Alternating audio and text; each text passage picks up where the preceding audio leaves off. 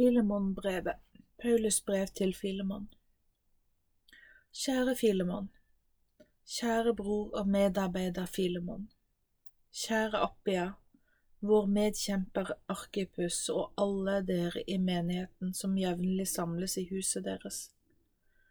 Jeg, Paulus, som er fange for Jesu Kristi skyld, og vår bror Timoteus hilser dere med disse ordene. Nåde være med dere og fred fra Gud vår Far og vår Herre Jesus. Jeg takker Gud for deg, Filemon, og nevner deg i mine bønner. Jeg blir så glad når jeg hører om din tro på Herren Jesus og den store kjærligheten du viser de andre kristne. Jeg ber om at vi må kjenne et sterkt fellesskap i troen, og at dere må forstå og erfare alt det gode Jesus har gitt dere vi er selv blitt trøstet og gleder oss over din store kjærlighet. Ja, de kristne blir oppmuntret av å tenke på deg, kjære bror. Bønn om å ta imot Onesimus Jeg vil nå be deg om en tjeneste. For Kristi skyld kunne jeg nok ha befalt deg dette, men for kjærlighetens skyld vil jeg heller spørre deg vennlig. Jeg, Paulus, er nå blitt en gammel mann, og jeg sitter i fengsel på grunn av min tro på Jesus.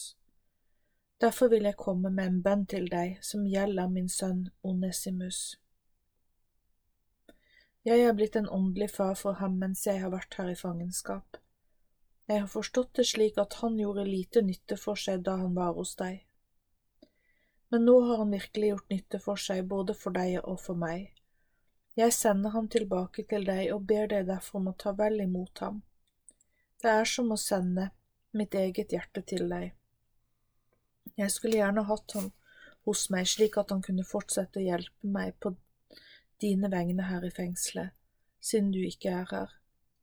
Jeg sitter nemlig i fengsel for å ha spredd budskapet om Jesus, men uten ditt samtykke ville jeg ikke gjøre noe, for jeg vil ikke at du skal gjøre gode gjerninger bare fordi du kjenner deg tvunget til det, men fordi du av egen fri vilje vil gjøre det.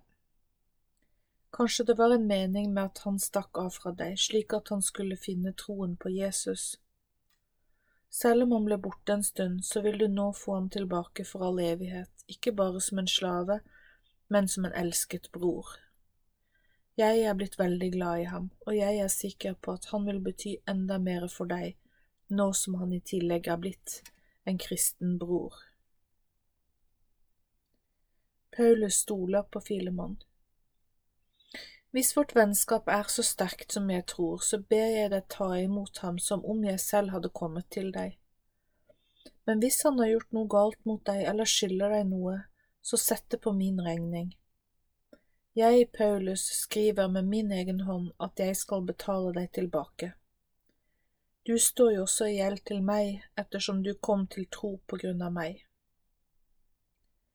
Kjære bror, la meg få denne gleden. Ta imot Onesimus for Herrens skyld, for det vil virkelig fylle meg med ny inspirasjon og glede. Jeg vet at du ønsker å være lydig, derfor skriver jeg dette til deg. Jeg tror at du vil strekke deg langt og gjøre mer enn det jeg ber deg om. I mellomtiden kan du også gjøre klart et gjesterom til meg, for jeg håper at bønnene deres blir hørt, så jeg kan komme til dere.